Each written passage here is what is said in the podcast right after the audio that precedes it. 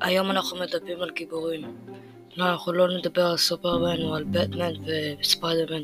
אנחנו נדבר, אנחנו נדבר על אנשים שעזרו לאנשים, שמצילים אנשים, רק בגלל שהם מרגישים שזה הדבר הכי נכון לעשות.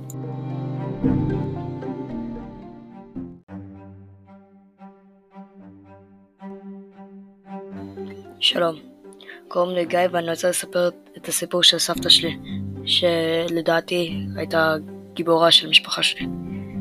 אז uh, אני אתחיל לספר את זה.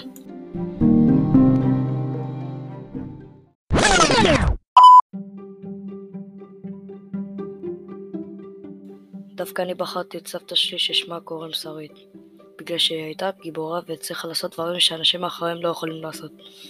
סבתא שלי מצד אמא שלי, מתי שאמא שלי נולדה ב-1988, מיד והלכה והתגיירה ליהדות. אבל אחרי שלוש שנים משהו, משהו יקרה שאף אחד לא ציפה. מתי שאמא שלי הייתה רק בת שלוש, סבא שלי הלך לעולמו על ידי תאונת דרכים ב-1992.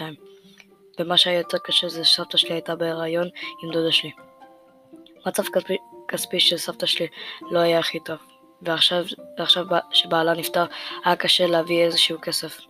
אבל אמא שלי וסבתא שלי עבדו קשה מאוד לעזור למשפחה, ואחרי מאמצים גדולים הם הצליחו לעלות לארץ ב-2007 מהודו למדינת ישראל.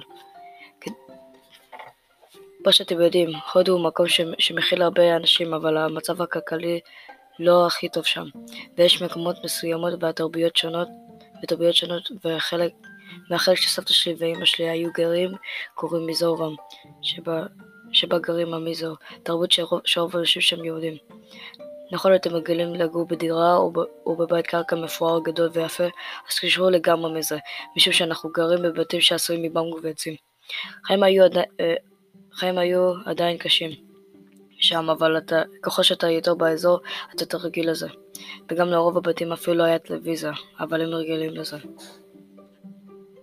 וזה הסיפור של סבתא שלי. אני מקווה שאתם מצאתם את זה לפחות קצת... az alsó